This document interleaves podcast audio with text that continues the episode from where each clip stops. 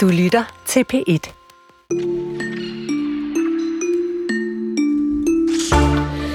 Der er et billede, og det ser sådan her ud. Det er landmanden, der vogter over naturen og klapper sine dyr. Altså landmanden som en del af vores fælles DNA, og billedet på Danmark som landbrugsland.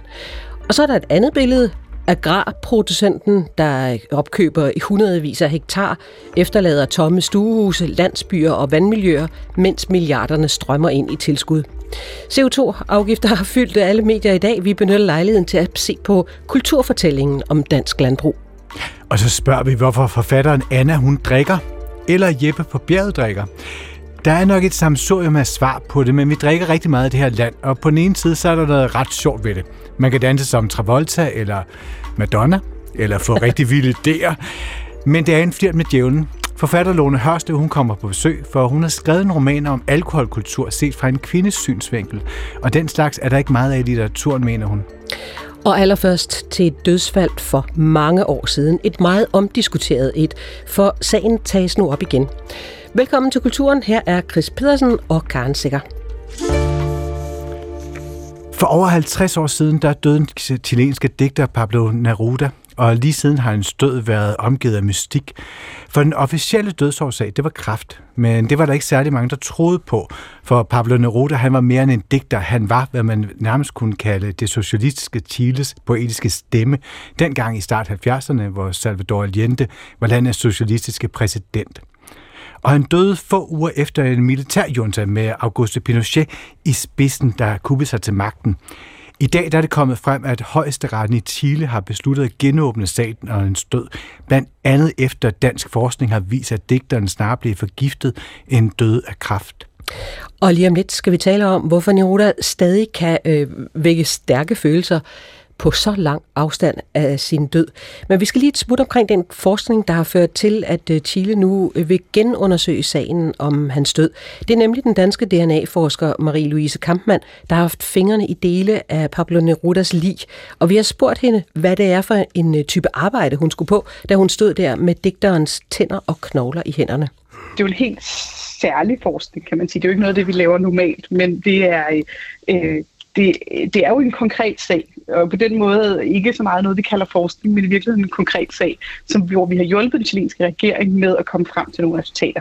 Og det har vi gjort ved, at vi øh, har modtaget noget stykker knogle og nogle tænder fra Pablo Neruda, og øh, så har vi, øh, så har vi øh, skåret det op, og så har vi ligesom, øh, man sådan åbner stillerne, hedder det, øh, sådan at inde i midten af cellekernen, der sidder DNA'et. Mm. Og så har vi renset det, så vi sådan isoleret DNA'et fra det, det andet. Og så øh, har vi øh, sekventeret det, så det betyder, at vi får sådan, øh, altså DNA det består af A, T, C og G, og så får vi ligesom sekvensen af de her A, T, C og G'er. Og der kan man sige, at vi mennesker har en sekvens, og så er der nogle bakterier, der har en anden sekvens, og sådan noget. Og så har vi sat det sammen, og så kan vi selvfølgelig finde noget, der er menneske, når det kommer fra et menneske, og så kan vi finde alt muligt andet dernede også. Altså sådan, der kan være bakterier fra at man har ligget jorden i 40 år, men der mm. kan også godt være bakterier, der var der, inden man blev lagt til jorden. Øh, og det er dem, nogle af dem, vi har kigget på. Ja, og det er lige præcis i de bakterier, Marie-Louise Kampmann har fundet spor af bakterien Clostridium botulinum. Og det er en meget potent gift. Den kan give øh, botulisme, eller det vi i Danmark øh, kalder pølseforgiftning. Og normalt, når vi taler om gifte, så tænker man på sådan noget, et kemisk stof, der trænger ind i kroppen. Men øh, Marie-Louise Kampmann og kolleger så efter nogle andre ting. Men det her, det, det vi har let efter, kan man sige, har været en biologisk forgiftning. Ja. Øh, fordi vi kiggede efter de her, det hedder sekundære metabolitter, som nogle altså nogle bakterier laver, de producerer, altså masser af bakterier producerer sekundære metabolitter, men nogle af dem producerer nogle, der er giftige, og det er dem, vi har let efter. Hvis der så er en stor infektion i blodet, på det tidspunkt, vi dør, så vil vi kunne finde den, altså når vi så går ind i, altså i blod, der hvor der har været blod, så vil det ligge der. Altså sådan, og det er, den, det, er den, det er dem rester, vi ligesom kan finde. Og det var altså Marie-Louise Kampmann, der har haft Pablo Nerudas knogler og tænder til nærmere undersøgelser. I øvrigt så blev de helt af samme undersøgelser lavet samtidig på et laboratorium i Kanada, og det gør man faktisk for at sikre, at resultatet ikke er påvirket af for eksempel snavs eller bare fremmed DNA i et af laboratorium. Og der er altså rigtig stor opmærksomhed omkring den her sag i Chile, og vi har spurgt lektor i latinamerikanske studier på Københavns Universitet, Jan Gustafsson, hvorfor sagen stadig kan vække de her store følelser i Chile. Der er en dobbelt årsag, fordi vi kan sige, at for det første kuppet i Chile vagte enorm opmærksomhed, ikke kun i Chile, men over hele verden i 1973. Så det har noget at gøre med det der specielle, det der specielle politiske eksperiment, talte man om, altså at vi fik en marxistisk præsident, der kom til magten ved demokratisk valg. Det var jo noget, man ikke forestillede sig kunne lade sig gøre, hverken på venstrefløjen eller på højrefløjen. Så alene det øh, gjorde det til noget helt exceptionelt. Men øh, derudover så, og det har så bidraget til, at man har holdt fast i det år efter år, og netop at det præcis var 50 år siden sidste år, har også en enorm symbolsk betydning, fordi man har øh, i flere omgange, og i meget høj grad sidste år omkring 50 års øh, 50 året for kuppet, øh, der har, har virkelig været mange arrangementer rundt omkring, både i Chile, meget store ting i Chile, og hele debatten kom frem igen, men også rundt omkring i verden, herunder også Danmark. Ja. Så er der frem for alt det, hvem Pablo Neruda var, og som en, en fuldstændig øh, fundamental figur allerede inden øh, Salvador Allende, altså den øh, socialistiske præsident, blev valgt i 1970. Han var meget, meget kendt, og igen kendt verden over, men først og fremmest meget kendt og elsket i Chile af et meget, meget bredt publikum. Og han var kendt som øh, den politiske figur, han var. Han var medlem af det kommunistiske parti, Øh, og samtidig en, øh, skal vi sige, også en medlem, et medlem af den chilenske elite. Han har været ambassadør, øh, altså hvis han havde både den her diplomatiske karriere, og frem for alt, øh, så var han regnet for og med rette øh, en af verdens største digtere på det her tidspunkt, samtidig med en evne til at række folkeligt ud. Mm. Han har også fået Nobelprisen i litteratur i 1971. Han har fået Nobelprisen i litteratur, ja. Hvad, hvad betød han for, nu, nu ser du selv, det var Allende, der blev præsident, Pablo Neruda, han, han stod der, han fik jo nogle, nogle, nogle forskellige tillidsposter, kan man godt sige, af, af, af præsidenten, men først og fremmest, så var han jo en digter i tiden. Hvad betød han for præsidenten på det tidspunkt? Men det er klart, altså han betød jo, at, at Pablo Neruda øh, var med her, betød jo, øh, at den opmærksomhed, der var omkring øh, Allendes regering, den blev endnu større, og at man ligesom havde den her internationale øh, kendte figur, det var meget betydningsfuldt. Samtidig med, at, at den her figur så jo også blev ligesom en del af hele den det kulturelle fremstød, som Allende-regeringen også indebar. Altså, der var utrolig meget her handlede om kultur. Altså, der var nye musikkulturer, der var gadekunst, øh, som blev meget, meget kendt, den til gadekunst på det her tidspunkt. Mange af de her kendte sange, og det var ikke alle sammen at et forenet folk aldrig kan besejres. Der var meget andet end det. Altså, vi har også en, en figur som Victor Jara og hans død på stadion lige efter kuppet.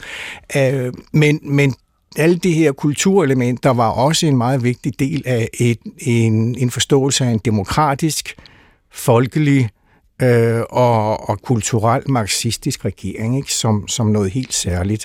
Og som sagt, altså Pablo Neruda rakte ud til øh, de til de intellektuelle såvel som til den helt almindelige befolkning. Mm.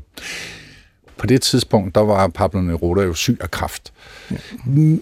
Hvilken rolle spillede han under det der kup?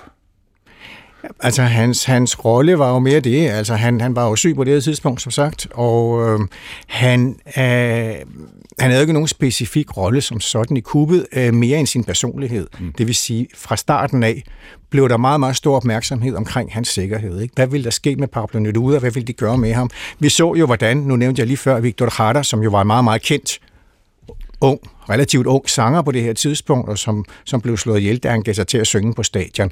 Vi så, at man relativt, øh, kan man sige, uhemmet øh, slog øh, en del mennesker ihjel, både kendte og ukendte, og øh, folk kom i fængsel og i tortur så, og, og blev udsat for tortur.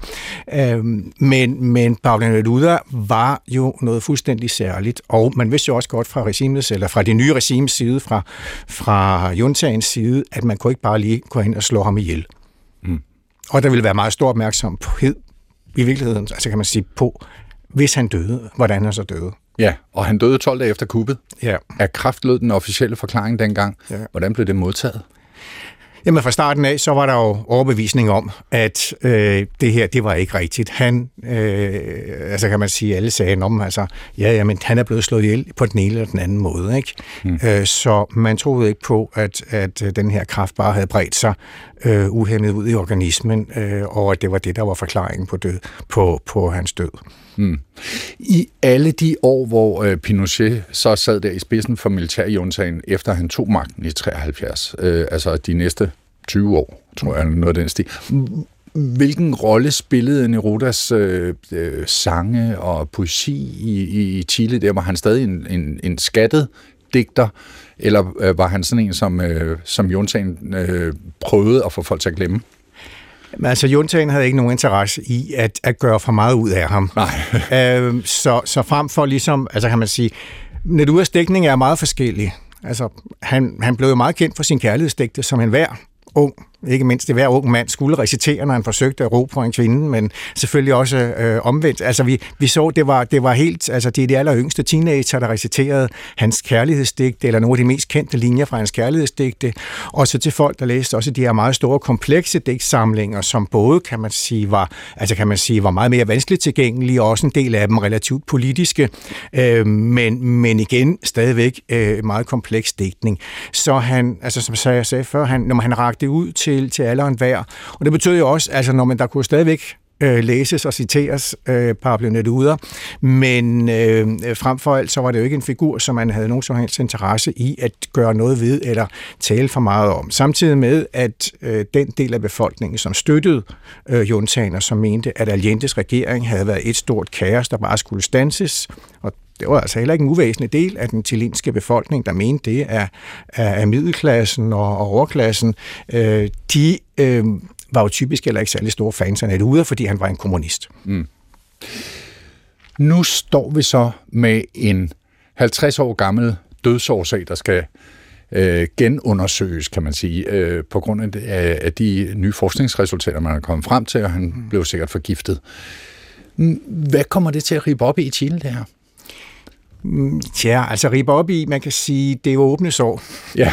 Øh, det er, og, og de er jo også blevet genåbnet, han har sagt, og de har også, der er også ribet op i dem i forbindelse med, altså sidst i forbindelse med øh, højtidligholdelsen af, af kuppet, og, og de begivenheder, der var her omkring, altså forskellige former for større arrangementer, øh, som, som fandt sted her, og som selvfølgelig også blev brugt til igen, øh, altså kan man sige specielt øh, af, af en stor del af befolkningen, altså dem, der føler sig som ofre for det her, og og øh, holde fast i det, de kalder, eller man kalder den historiske rendring og den sociale rendring. Det vil sige, det her med at holde fast i, det der skete her, må aldrig ske igen. Mm. Altså, der er også begrebet nunca más, aldrig igen, øh, som man bliver ved med at sige i Chile. Ikke? Altså, der må aldrig være noget, der i den her retning må aldrig nogensinde ske igen. Så det er jo selvfølgelig en del af det, men samtidig øh, så er det klart, at øh, hvis og altså hvis man når frem til, og det bliver, altså kan man sige, at også domstolene øh, vælger at acceptere den version af begivenheden, og den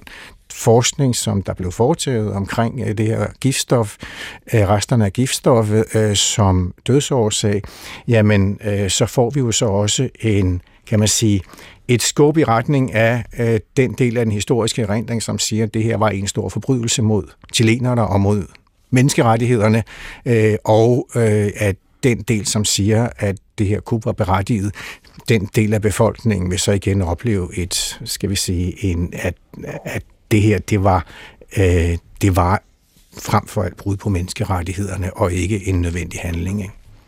Og det fortalte altså lektor i latinamerikanske studier på Københavns Universitet, det er Jan, Jan Gustafsson til Thomas Håndby Hansen.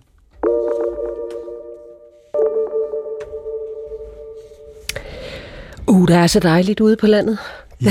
I hvert fald, hvis man bladrer i højskolesangbogen, eller kigger på guldaldermalerierne. Fordi her myldrer det med storke på bøndernes tage. Øhm, øh, han sidder sikkert selv og ser ud over de gyldne kornmarker, der vejer i sommervinden, og køerne, der gumler i græsset. Men fortællingen om de her øh, flittige bønder, der lever i harmoni med naturen, er udfordret i, øh, i vores tid. Som det mest opdyrkede land i Europa lægger landbruget beslag på 60 procent af vores areal, mens det bare bidrager til 2 procent af vores velstand og 3 procent af beskæftigelsen. Til gengæld vil det stå for næsten halvdelen af de fremtidige CO2-udledninger. For at løse den sidste problematik, der har et ekspertudvalg tidligere i dag præsenteret en række modeller til en CO2-afgift på landbruget. Og mens det er spørgsmål om en CO2-afgift nu skal diskuteres... Og det skal det. Ja. Meget højlydt sikkert. Det er allerede i gang, ikke? ja. Banker afsted. Men herinde, der kigger vi på, hvilken rolle landbruget har spillet i den danske selvfortælling, og om man overhovedet kan opretholde et romantisk blik på landbruget. Et landbrug, hvor 27.000 pattegris dør hver dag, og hvor de gule rapsmarker nok er flotte, men også monokulturelle ødemarker, der jævnligt sprøjtes med pesticider og gylde, som kvæler livet i vores farvande. Vi inviterede øh, Rasmus Hage Dalland, journalist og forfatter, øh, blandt andet til jordbundet øh, en rejse rundt i dansk landbrug. Og han konstaterer selv, at Danmark er et landbrugsland. Ja, det synes jeg helt klart, det er. Altså, det er klart, det kommer an på, hvordan man ser på det. Hvis vi ja, du skal på, lige definere det ja, så. Ja, altså, hvis vi kigger på det økonomisk, øh, hvor stor en del af vores, øh, altså hvor meget erhvervet fygt, fylder i vores øh, økonomi, for eksempel, så er det jo ikke et, det er, jo ikke, det, det er jo ikke særlig meget, så på den måde kan man ikke definere Danmark som et, et landbrugsland, der af, afhænger afgørende af landbrugseksport eller et eller andet.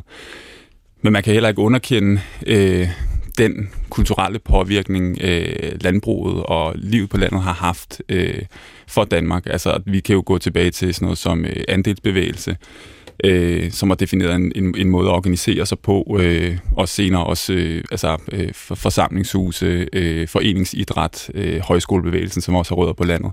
Altså alle de her ting, som i virkeligheden er sådan nogle kulturelle øh, juveler, vi hiver frem og er rigtig stolte af, det har jo sit øh, udspring fra landet. Så der er rigtig meget kultur, øh, der, øh, der bærer bøndernes præg.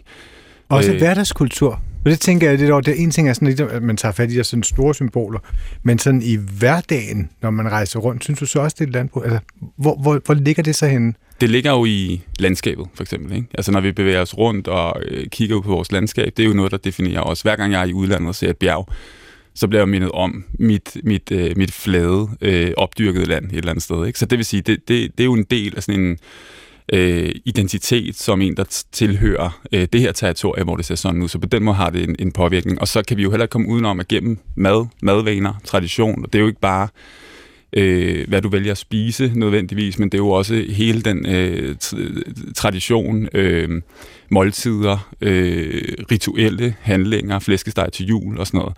På den måde fylder, vil det jo altid øh, fylde et eller andet, fordi det er primært erhverv, og fordi det laver øh, sætter mad på bordet dybest set, ikke?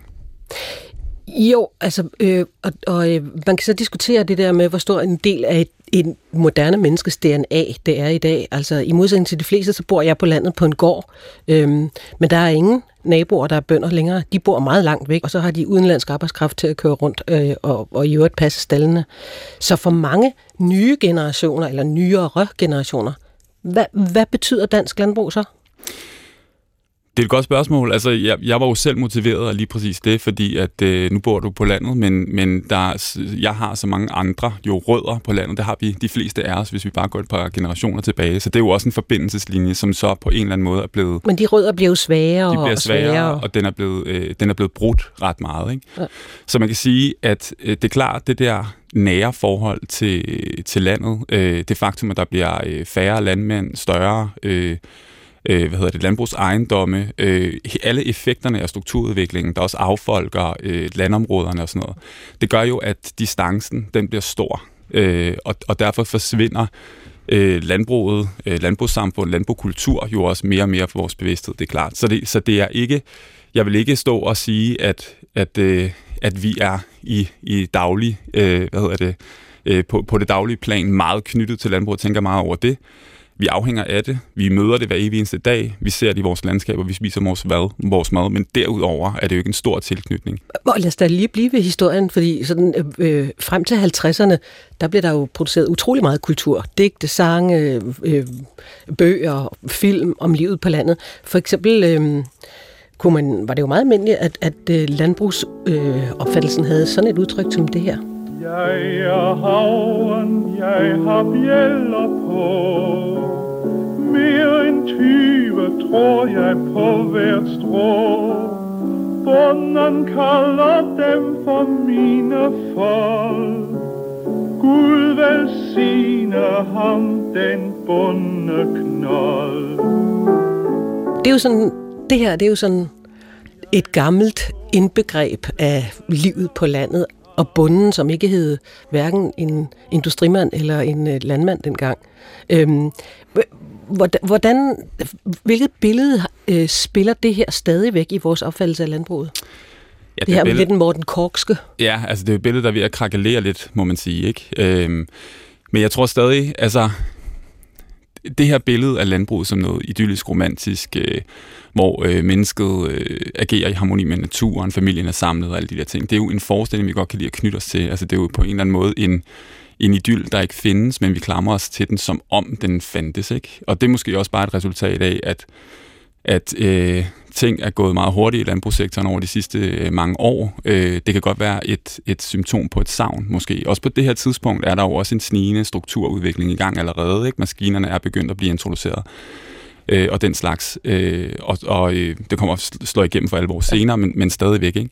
Så, så jeg tror også, at det er, det er, en, det er en idé om øh, en tilknytning til et sted, til en familie, til en jord, til langsomme processer, til årstidernes skiften, som vi godt kan lide, som appellerer ja. til et eller andet i os.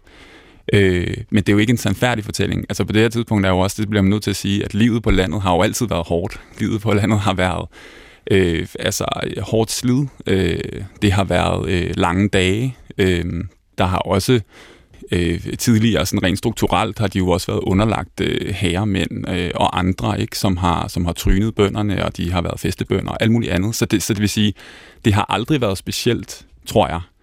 Øh, du kan finde nogle lommer, du kan finde nogle momenter, men det har aldrig været specielt idyllisk egentlig. Men dyrkningen er en fortælling om det idylliske. Den har helt sikkert overlevet. Øh, og den er så til debat nu. Ikke? Altså den, den forsøger man på en eller anden måde at justere på. Ja, fordi der er virkelig sådan ved at komme de der sådan, altså, revner i den her idyll i øjeblikket. Der hvad hedder det, hans, øh, Hans Otto Jørgens roman øh, fra 2020, Dead Man Walking Mamrelund. Der er reality-serien på TV2, Landmand søger kærlighed, med de her ensomme bønder, som skal jeg finde en kvinde? Det går tit ret galt. Og så selvfølgelig Mathilde Valter Clarks blinde øje fra sidste år, som jo er et ekstremt kritisk blik på, på minkindustrien. Hvorfor er det, vi har ændret vores blik på landbruget?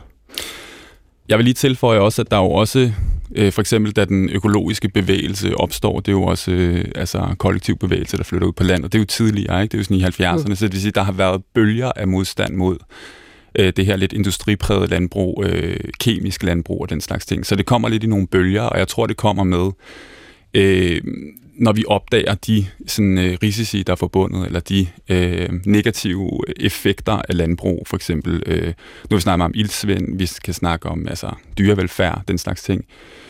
Øh, kemi, nu er det aktuelt PFAS, men, men tidligere har det været alt muligt andet, øh, alle mulige andre kemiske stoffer, som man har fundet i, øh, i naturen udledt fra landbruget og den slags ting. Så jeg tror, når de her ting træder frem, så, øh, så vil det selvfølgelig afføde en eller anden øh, reaktion, øh, fordi det slår skov i det her billede. Ja.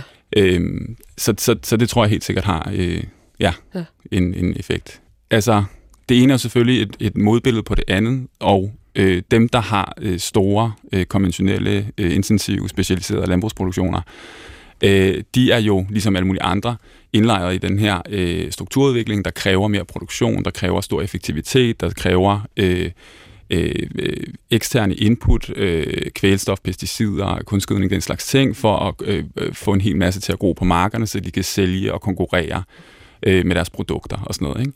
Så det er jo klart, det er jo sådan en, en hvad skal vi sige, en, en stordrifts øh, agenda, øh, og derfor vil man jo også, er man jo heller ikke så glad for enhver form for afgift og den slags ting. Jeg, jeg prøver at operere med det her med, at man koncentrerer sig meget om det, der vokser over jorden. Altså den afgrøde, en mark producerer, eller det, eller, eller det antal af enheder, man kan få ud af sin svinestal. Hvor der er nogle modbilleder, for eksempel de regenerative bønder, som er dem, der kommer tættest på, hvad skal vi sige, idyllen, ikke? med varieret brug, øh, dyr til afgræsning og den slags ting. Om end det ikke er en idyll, det er, det er rigtig hårdt arbejde. Men deres blik, eller deres orientering, øh, er i høj grad omkring det, der foregår nedenunder jorden. Så det er noget med at skabe en, en sund jordbund, skabe øh, fodre de øh, mikroorganismer, øh, svampesporer, øh, det liv, som i, i sidste ende giver en frugtbar jord, og som i sidste ende giver øh, øh, gode, øh, næringsrige øh, afgrøder, vi så kan øh, spise. Ikke? Så det er en orientering måske, som er orienteret mod altså den ene øh, forudsætningerne for, at vi overhovedet kan øh, dyrke jorden øh, og leve af den i fremtiden. Der er også stor klimabevidsthed og bevidsthed om biodiversitetsbetydning osv. for dyrkning af jorden. Ja. Og noget, der fokuserer rigtig meget på det, der foregår over jorden. Hvor, meget, hvor mange produkter får du, øh, som, som, som du kan sælge. Ikke? Ja, så netop Mathilde Valder Clark, hun var i besøg Deadline sidste år, der i forbindelse med den her Det Blinde Øje. Hun havde mange sjove kommentarer, men også nogle virkelig interessante omkring sådan landmanden, vores blik på landmanden. Lad os høre der. Man kan jo starte med ordet landmand. Øh, det er jo ikke rigtig noget, der findes mere. Det er jo producenter, eller bedriftsejere, eller virksomhedsledere, eller, eller sådan. Ikke? Så, så Hvorfor der er, kan man ikke være landmand og producent?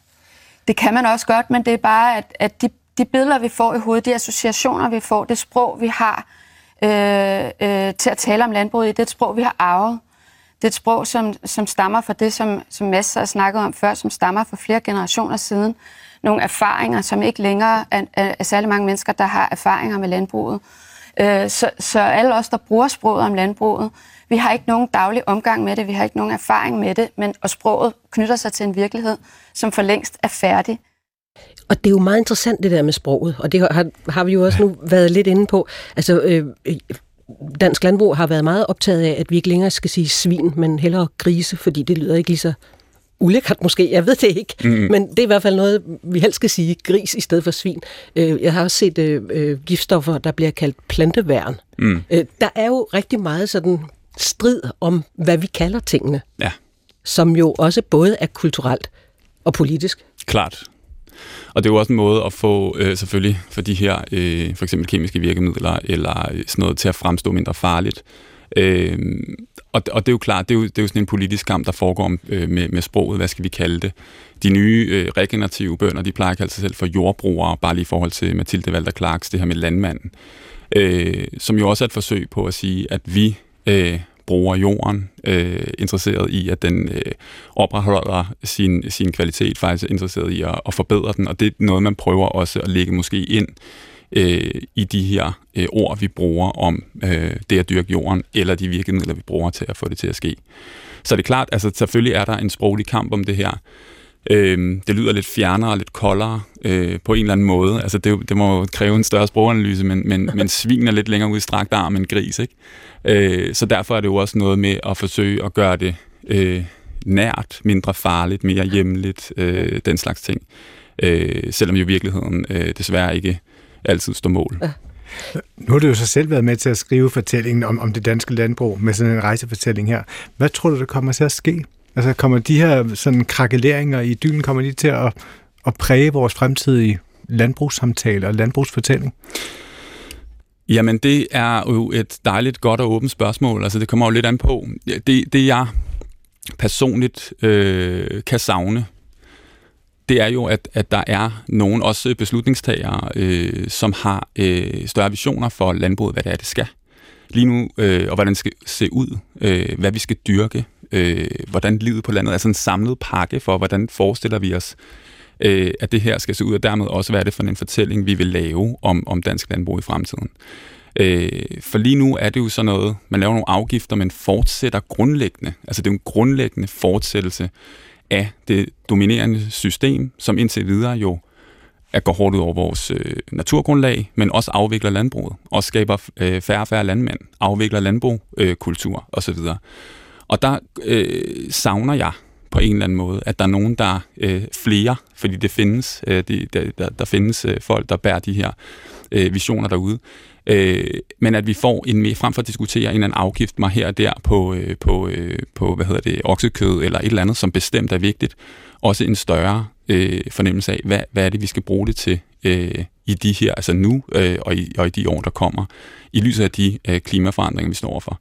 Og det her moment er jo et virkelig godt tidspunkt øh, at, at, at skabe de fortællinger, fordi vi står ved et brud, hvor der skal ske øh, rigtig mange ting, og det er rimelig indlysende for enhver, at det ikke kan fortsætte på den her måde, som det har gjort hidtil. Så det håber jeg, at man ikke forsømmer muligheden for øh, at gøre, øh, tale mere bredt, drømmende, øh, med større visioner øh, på, øh, for landbruget. Og det sagde Rasmus Hage Dalland, journalist og forfatter til øh, Jordbundet, en rejse rundt i dansk landbrug. Øh, han var på besøg tidligere i dag.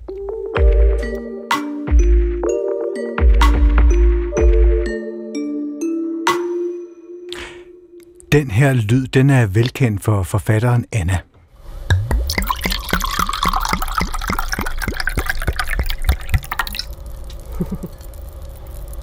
Og for mig.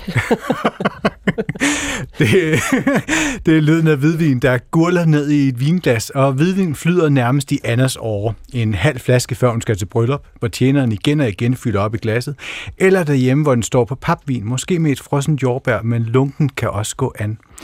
Anna, hun er forfatter, men karrieren sejler, og det gør livet også, som det beskrives i romanen Svømmende, Rygende, Grædende. Den udkommer i morgen, og den er skrevet af Lone Hørslev. Og Lone Hørslev, hun har forandret sit blik på alkohol, både i privaten og i litteraturen. Velkommen, Lone. Tak skal du have.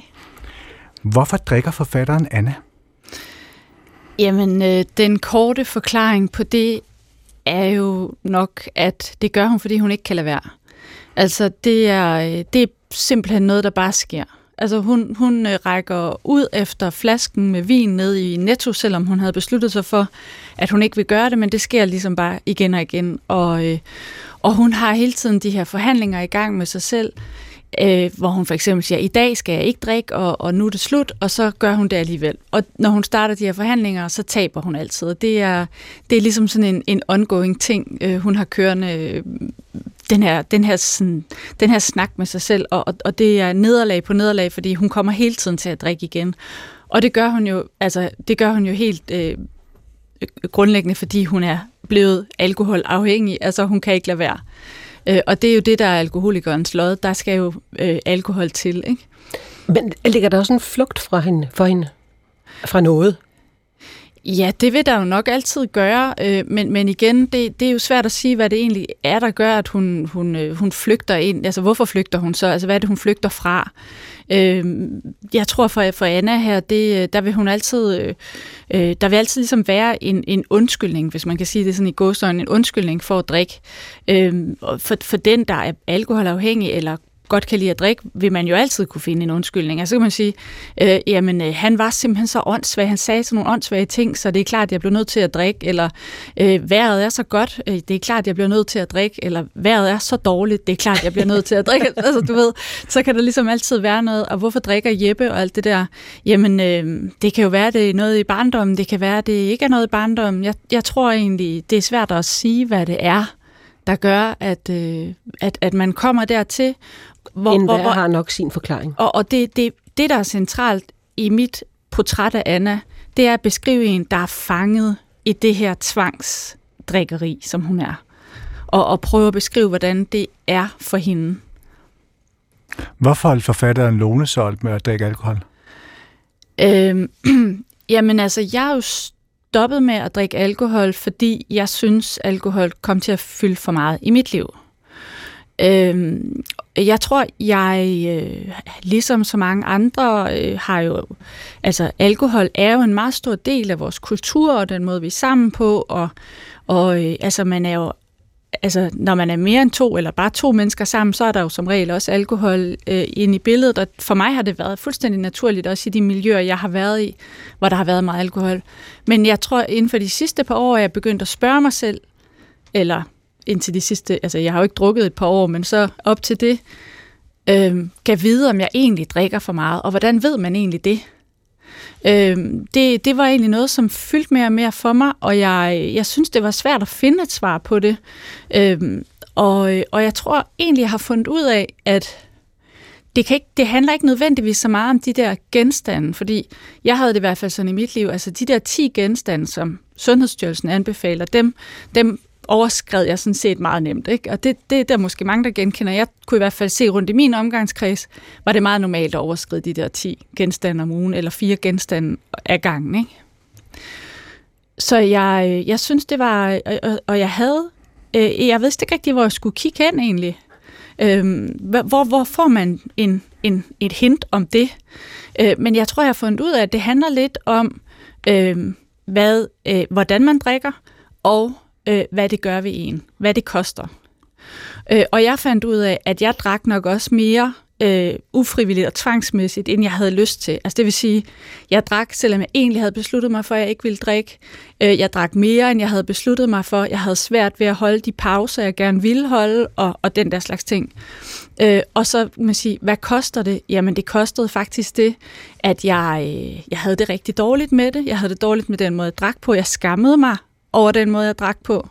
Og, øh, og, det, og det, øh, det gik ligesom mere og mere op for mig, at jamen, det kan godt være, at jeg ikke behøver at have det, den skam i mit liv. Det, behøver ikke, det kan godt være, at jeg ikke behøver at drikke så meget. Det kan godt være, at jeg har drukket det, jeg skulle. øhm, så derfor så stoppede jeg med det. Ja. Øh, foran der ligger din bog, der kommer i morgen. Øh, skal vi ikke lige høre lidt om Anna? Jo, altså, Anna, hun er jo øh, forfatter, og hun sidder derhjemme og drikker, øh, og keder sig lidt også. Øh, og så gør hun det, man gør, man går ind på sin computer og, og åbner for ChatGPT. øh, hun fylder sit glas op igen og ser på skærmen. Køseren blinker utålmodigt. Hun går ind på ChatGPT og skriver, Hvem er Anna Mette Hansen? Anna Mette Hansen er dansk forfatter og født i 1974. Hun debuterede i 1995 med novellesamlingen Vindue uden udsigt og har siden publiceret flere romaner, blandt andet den populære serie om pri- privatdetektiven Lisbeth Salander. Anna Mette Hansen har modtaget flere priser og udmærkelser for sit forfatterskab, blandt andet det Danske Akademis store pris og de gyldne laurbær. Og så griner hun her, det kan jeg ikke lige gøre, men det griner hun af. Lisbeth Salander. I det mindste kan man sige, at robotterne stadig er langt fra at overtage verdensherredømmet, når de skriver den slags røvl. Ja, det har den ikke styr på. Nej, det har Nej. den ikke. Det var Nej. vist nok den anden. Det var det vist nok. Ja. Hvor godt kender Lone Anna? Øhm, jamen altså, jeg kender hende jo ret godt, fordi at jeg, jeg prøver jo også at beskrive mange af de her øh, tanker og følelser, der er omkring det her med alkohol og hele den her, øh, t- især det her med de her forhandlinger, jeg talte om før, som jeg også kender fra mig selv. Øh, så, så vi får ligesom lov til at være inde i hovedet på, på Anna her. Øh, jeg kan sige, hun er ikke mig, og jeg er ikke hende, men jeg kender hende godt. kan man ikke sige det på den måde? øh, og ligesom, øh, altså, jeg kender hende også bedre end chat-GPT'en her Ja. gør. Øh, Og så, så tænker jeg, så var du jo nødt til at skrive en roman, fordi som du selv lige var inde på før, en ting er, hvad Sundhedsstyrelsen siger, ja, men hvis man ikke bare lige nøjes med de der 10 genstande om ugen, mm. hvor kigger man så hen? Du havde, du havde svært ved at finde nogle steder og, og opsøge noget, noget viden. Ja, det synes jeg faktisk. Jeg øhm, har jo, altså normalt, at, altså jeg, jeg skriver og jeg læser, og normalt vil jeg orientere mig i litteraturen, når der er noget, der interesserer mig eller optager mig. Og jeg synes, det var svært at finde de her portrætter, altså, som, altså kvinder, der drikker, hvorfor de drikker, hvordan de drikker, hvad for nogle tanker de gør sig, når de drikker. Øh, det er ikke noget, der er så meget Øh, der er heller ikke, altså der er ikke særlig meget om det i litteraturen, der er ikke særlig meget om det i vores kultur, altså det er ikke noget, vi taler særlig meget om. Der er meget stor berøringsangst, er min fornemmelse omkring de her samtaler omkring alkohol. Øhm, vi har svært ved at tale med hinanden om det. Drikker du måske for meget? Hvor meget er for meget? Ikke? Øh, og og kan, man, øh, kan man egentlig tillade sig at stille de der spørgsmål til nogen? Og, og sådan noget. Så, så hvor, hvor kigger man egentlig hen? Hvem snakker man med? Ikke? Er der en særlig måde for kvinder at drikke på? Ja, jeg synes jo, det er øhm, det, det kan godt være lidt svært det her med at sige, sådan er mænd og sådan er kvinder. Det, det, øh, det er jo altid sådan lidt, så er man lidt ude på noget, der er Mhm. lidt, lidt svært. Ikke? Men ja, det tror jeg faktisk. Altså det, som jeg ser, dem jeg har talt med, jeg har jo talt med mange ædru alkoholikere i min research til bogen også. Og det, som jeg ser, er, at der er forskel på, hvordan mænd drikker og kvinder drikker, groft set, øh, groft tegnet op. Ikke? Mange kvinder drikker alene derhjemme. Øh, og, og ligesom Anna her, sidder derhjemme og skammer sig over at drikke alene. Og, øh, og som hun siger, godt, der er ikke nogen, der kan se det. Øhm, så, så det holder man ligesom bag nedrullede gardiner. Det er, meget, øh, det, det er i hvert fald meget typisk. øh, Det jeg har, har fundet ud af dem, jeg har snakket med, det, det er slet ikke øh, unormalt for den måde, kvinder drikker på. Hvor mænd kan måske mere gå ind i nogle maskuline fællesskaber, eventuelt gå på værtshus, og, og, og hvor deres øh, alkohol øh, bedre, et, et stort misbrug eller stort forbrug bedre kan udspille sig ligesom i nogle, i nogle grupper med mænd, og, og, øh, og det er ikke, altså det, det accepterer man også på en anden måde, tror jeg, øh, når mænd drikker meget. Mm. Øh, altså, ja, vi var skide fulde, og vi gjorde det og det og sådan noget. Det, er sådan, det kan godt være sådan lidt en sjov anekdote, eller lidt maskulin, lidt sejt måske ovenikøbet, ja. hvor, hvor kvinder, der toger rundt og øh, øh, mister kontrollen, det, det, det, det, kan, det kan der, altså det tror jeg både mænd og kvinder har svært ved at se det charmerende i, ikke? Men der er noget interessant i det med også, at, du beskriver det i en forfattertilværelse. Der er den der sådan et kreativ måde at gå til, til alkohol på. Fordi der er læst bogen, der kom jeg til at tænke på dit album, Mads øh, Maurits Tørslev-projektet, 2009-albummet Blik Blik. Øh, Blik, Blik Bang Bang. bang. Ja. Hvor alkohol optræder ret meget. Ja. Og der er bare lige nogle øh, få gange. Øh, tømmer dine ord for mening, grådet som en dranker, der beruser sig i dine tanker, når du når mig, når du når mig. En anden sang, tiden går så langsomt, når du er taget til udlandet. Du er løbet tør for taletid. Jeg savner dine hænder på min krop. Jeg drikker snaps. Jeg tager altid det glas, der er mest i ingen pæs. Jeg siger, kom, lad os æde hinanden. En tørst efter kys har bredt sig i munden. En drift efter rå sex og chips. Giv mig små, grå BB Fisherman's Fresh. Giv mig bajer og GT og Jack. At tømme flasken, det er den eneste drøm. Der optræder alkoholen som den her vildskab, og lytter man så til det andet album, for et andet album fra 2021 på albumet Lygtige Mennesker, så er der en sang, der hedder En svær situation, og den skal vi lige høre en bid af her. Forstår du ikke, det er en svær problematik At sige, du ikke skal drikke Når det nu er sådan, at vi altid er sammen Det er som at sige en god sang, den ikke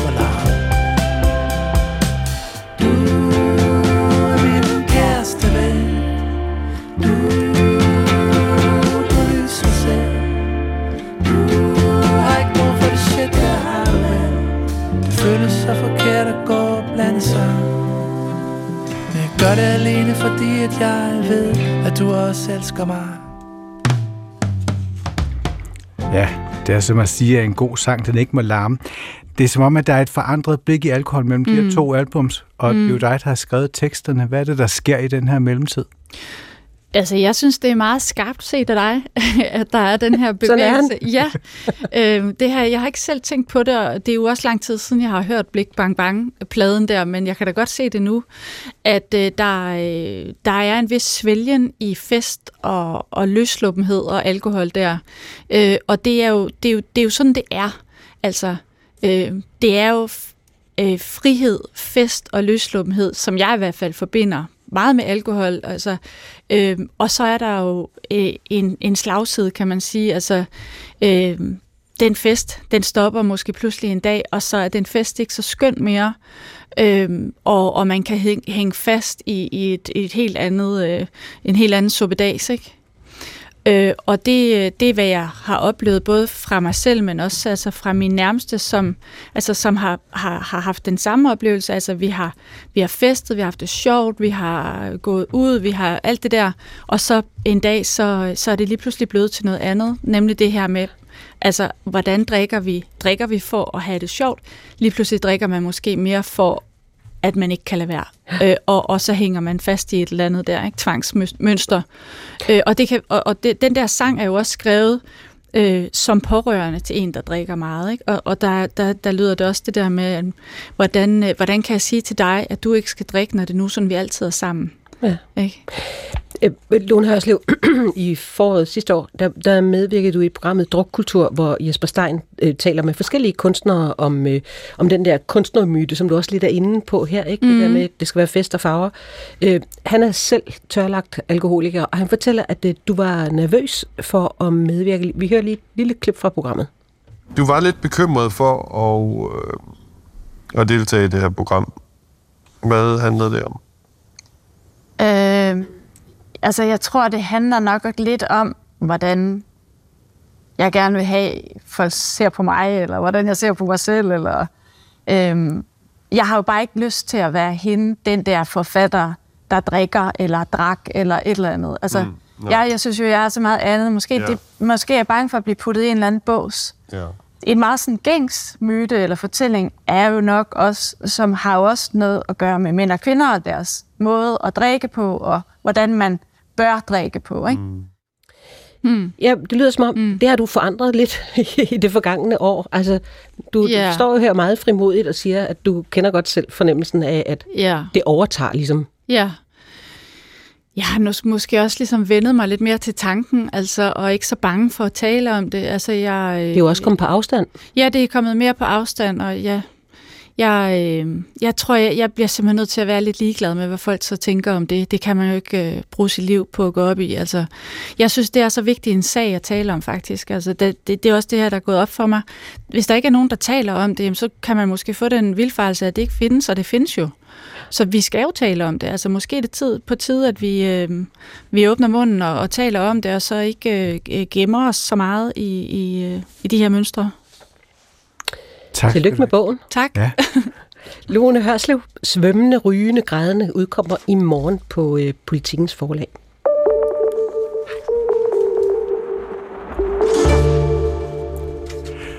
Og nu skal vi tale om samarbejder i museumsverdenen, og om hvad det betyder for vores oplevelse af museerne. For det store danske museum for samtidskunst, Arken, det har for nylig indgået et samarbejde med Hirschhorn Museum i Washington D.C., som er en del af museumsorganisationen Smithsonian. Future Worlds, det er arbejdstitlen på det her samarbejdsprojekt, og fra Arkens side, der lyder det, at de her to museer skal sammen skal udvikle et kunstpædagogisk projekt rettet mod børn og unge, der forbinder børn og unge med naturen, og samtidig skal det give dem troen på, at fremtiden kan udvikles i en tid præget af konflikt, kaos og krise. Spørgsmålet er, øh, hvorfor et museum i Ishøj skal samarbejde med et, øh, et Washington-museum, øh, øh, og hvad det er, det siger i øh, museernes rolle i samfundet. Altså, at der, jeg synes, man ser det flere og flere steder, øh, kommer de her partnerskaber, øh, som prøver ikke bare at vise, hvad de har i depoterne og i arkiverne, men også være med til at løse øh, problemerne.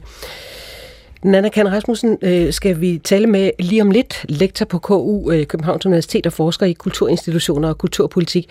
Øh, men lad os lige først lige høre lidt mere om øh, Arkens øh, projekt. Øh, vi har talt med direktør Marie Nipper om lige præcis betydningen af partnerskaber for et museum for moderne kunst på Vestegnen. For Arken er det meget vigtigt at lave partnerskaber. Og det er det af flere årsager. Altså for det første, så lever vi jo i dag i en global verden, hvor vi er forbundet på en helt anden måde, end vi har været øh, tidligere. Og vi står også over for en række globale udfordringer, som jo selvfølgelig også øh, kommer til udtryk i kunsten. Og der mener vi, at det er vigtigt at arbejde på tværs af landegrænser for at øh, slå vores viden og erfaring sammen til at skabe nye, gode tilbud til publikum. Og også for at erfaringsudvikle også her i Danmark, og lære af de øh, hvad man siger, internationale projekter og, og udvikling, som, som pågår derude i den internationale verden. handler det også om, at der er prestige forbundet med at samarbejde med et anerkendt museum i USA? Eller kunne det her partnerskab lige så godt have været med et dansk egensmuseum? Det vigtige for os, når vi vælger partnerskaber, det er jo, at der er en, øh, øh, hvad man siger, en fælles interesse for at skabe noget sammen og at begge partnere kan se, at der er en værdi i det partnerskab. Så der er ingen forskel for os på, om det er et øh, stort internationalt museum, eller om det er et andet godt kvalificeret dansk museum. Vi vil gerne både de nationale partnerskaber, de lokale partnerskaber, vi vil også gerne de internationale partnerskaber, for de kan noget forskelligt hver især. Det her projekt helt specifikt handler jo om et tilbud til børn og unge, og at vi sammen med dem, øh, med de forskellige hvad man siger, erfaringer og den viden, vi kommer med, både her fra en dansk kontekst og en amerikansk, at vi sammen kan, kan lave nogle nye tilbud til børn og unge, som i det her tilfælde særligt handler om øh, deres forhold til naturen og til, hvad man siger, hele sådan øh, fremtidsforestillingerne, som jo er udfordret øh, hos de unge for tiden på grund af det her klimakollaps, som, øh, som de jo hele tiden bliver forholdt i medierne. Vi håber, at vi kan lave et øh, projekt sammen, hvor vi sammen med billedkunstnere kan udvikle nogle nye metoder til, at børn og unge i højere grad end de er i dag, kan blive forbundet til naturen og til naturens processer. Oplever I generelt, at der er et stigende pres på jeres institution for at lave partnerskaber? Vi oplever ikke, at der er et pres for, at vi skal lave partnerskaber, men vi oplever det som et helt naturligt ønske fra vores side på og, øh, og netop skabe de her forbindelser ud i verden, ud i landet. Det er der rigtig, rigtig meget mening i, både økonomisk og menneskeligt og kunstnerisk. Så det er øh, en helt klart, hvad man siger, indskrevet vision for os at blive øh, linket sammen med andre institutioner. Det behøver ikke altid også kun være i en hvad man siger, museal kontekst. Det kan jo også være med forskningsinstitutioner og, og andre, hvor der er en relevans om at gå sammen omkring nogle partnerskaber. Og særligt i en tid, hvor vi som museer jo nok bliver afkrævet at forholde os i, i højere grad til de her samfundsmæssige problemstillinger, som, som er de her vilde problemer, vi alle sammen på en eller anden måde bliver nødt til at rykke sammen i bussen om at løse. Der er det rigtig spændende at se, hvordan vi kan gå ud og lave nogle partnerskaber, som kan supplere den viden og de metoder, vi selv har, øh, og vi kan gøre det samme øh, for, for vores samarbejdspartner, og dermed forhåbentlig sammen stå stærkere i at være med til at øh, samtale og, og, øh, og give bud på mulige løsninger på nogle af de her meget, meget store ting, som vi står overfor som, som samfund og verden sagde altså Marie Nipper, der er direktør på Arken, og det var øh, kulturens Magnus Rothberg, der havde talt med hende. Og, og øh, jeg har i den senere tid lagt mærke til, at uanset hvilken stil, der bliver slået op på et museum, så indgår øh, ordet øh, være god til at øh, opdyrke partnerskaber i de her stillingsopslag overalt. Nana Kan Rasmussen, velkommen. Tak. Øhm, du, for, du forsker blandt andet i samarbejder i kulturbranchen. Har du set det samme? Ja. Det har, har museerne virkelig fået øjnene op for det ja, her. det har jeg. Og øh, det er jo ikke kun museerne, der har fået øjnene op for det her. Øh, hvis man, øh, min forskning den viser, at kulturledere fra både teatre, museer, biblioteker, festivaler, de alle sammen er meget optaget af det her med at være samfundsrelevante. Så de her partnerskaber, de kommer jo tit ind i billedet, fordi, som Marie Nipper hun også siger, at man skal være med til at løse samfundets problemer, og også samfundets vilde problemer. Øhm, så det øh, er kulturlederne blevet meget skarpere på i de senere år, og der er også en forventning fra dem, der ansætter dem, som du lige præcis siger, om at det skal de være rigtig gode til. Ja. De vil simpelthen, de skal stille sig til rådighed for at løse samfundets problemer. Hvorfor har de opdaget det her? Hvad de ser? Ja, men jeg tror, at øh, det, som det er et udtryk for, det er egentlig en bevægelse, der sker i hele den offentlige sektor og i hele vores samfund. Man kan jo sige, at vi, op, vi har jo også en forventning om, at private virksomheder skal opføre sig samfundsansvarligt, og at de også skal være med til at løse nogle af de problemer, som de dels selv har skabt, men også nogle af de problemer, som simpelthen øh, findes. Og øh, så jeg tror sådan set, at det, som Marie Nepper hun kalder, at vi rykker sammen i bussen om at løse øh, samfundets problemer, det er øh, det ser vi over hele øh, over, øh, over alt i samfundet. Ja. Men der, det, der er interessant, det er jo for kulturinstitutionerne, som er mit område, at sådan har det jo ikke været altid. Nej, for hvad er der sket? For, altså, hvad, er det, hvad er det en udvikling imod? Ja, altså, ja, hvis det er okay, så har jeg lyst til at fortælle, at for 10 år siden, der lavede jeg en interviewundersøgelse med kulturledere, hvor jeg faktisk spurgte dem om det her med samfundsrelevans, og hvordan de så deres roller i forhold til det her med at løse samfundets problemer. Og der var de meget skarpe på at sige, jamen det handler om dannelse, det handler om altså sådan de der traditionelle opgaver, som kulturinstitutionerne har løst, som også er samfundsopgaver. Altså at stille kunsten til rådighed og øh, danne os og skabe rum for refleksion. Men de andre ting, for eksempel som at spille en rolle i forhold til migration, øh, integration af indvandrere, eller klima, eller hvad det nu måtte være, det kunne de slet ikke øh, sætte ord på på det tidspunkt. Og så har jeg øh, sammen med en kollega lavet en ny undersøgelse, hvor vi spørger dem om nogenlunde de samme ting. Og der kan de pludselig sige, jamen det vi gør for piger, der mistrives i Roskilde, det er, at vi laver skriveklubber for dem på biblioteket, og det vi gør, som Marie Nipper hun fortæller om her, det er, at vi går sammen med nogle andre partnere om at lave et undervisningsmateriale, der skal Øh. Ja, fordi så er du jo lidt i nærheden, at, at, at det, jeg vil også ville spørge om, what's in it for os som kulturforbrugere? Og det kan man være, hvis man er et sårbart menneske, som får et særligt tilbud på et museum eller en anden kulturinstitution. Men hvad med os sådan øh, mere sådan brede øh, kulturshoppere? Hvad, hvad, hvad kommer der til os på den her kant? Ja, men det er jo sådan set et rigtig godt spørgsmål, som jeg egentlig ikke øh, har et godt svar på, fordi hvis man er en øh, kultur, altså sådan en normal kulturforbruger, altså sådan en øh, kvinde på over 50, øhm, så kan man sige, at hvis det man gerne vil, det er egentlig bare at se nogle gode udstillinger, så kan man jo stadigvæk gøre det, men der er jo rigtig mange af de ting, som kulturinstitutionerne bruger meget krudt på, ja. som ikke er til os.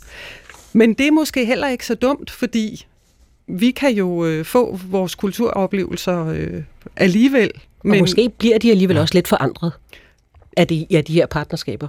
Det vi andre får ud af det. Ja, det gør de jo nok, altså, og det er jo også anderledes at gå på biblioteket i dag, for eksempel, fordi at det hele det handler om klima, eller det handler om øh, FN's verdensmål, eller hvad det er på den måde, ja. så bliver det tilbud, de stiller til rådighed, det bliver jo også mere, eller det bliver samfundsrelevant på en anden måde. Ja.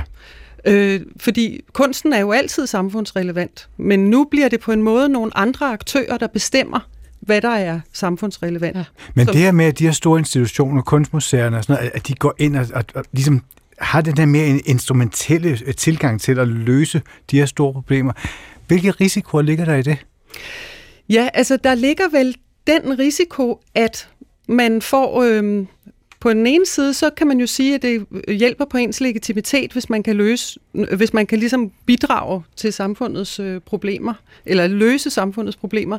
Men det kan også have den modsatte effekt, at man ligesom siger, jamen, hvis man vil gøre det, så er der jo nogle andre aktører end kulturfeltet selv, der kommer til at bestemme, hvad kvaliteten er. Kulturfeltet har jo haft det privilegium, at selv kunne bestemme, hvad kvaliteten er og hvad formålet med kulturen var.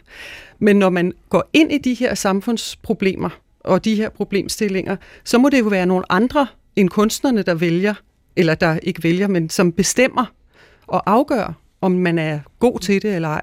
Og så kan man jo sige, at hvis det handler om at løse klimaet eller løse unge, unges øh, trivselsproblemer, så kan man jo hurtigt komme ud i en situation, hvor man tænker, jamen måske var det psykologer, der var bedre til det, eller måske var det en regulering af de sociale medier, vi skulle bruge vores krudt på, og ikke øh, kulturinstitutioner. Så på den måde, så kan det have to modsatrettede ja. konsekvenser. Man afgiver lidt af styringen.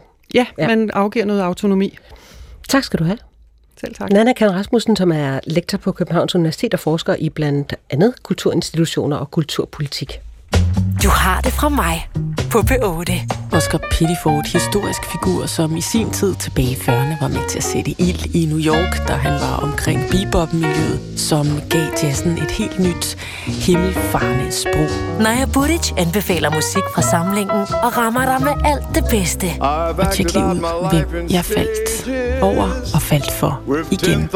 Fra udødelige mestre, nye fængende tracks og hemmelige glemte perler.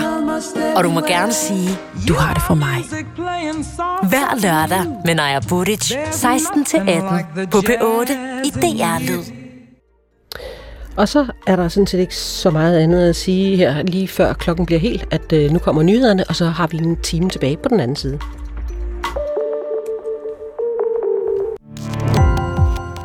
Gå på opdagelse i alle DR's podcast og radioprogrammer. I appen DR Lyd.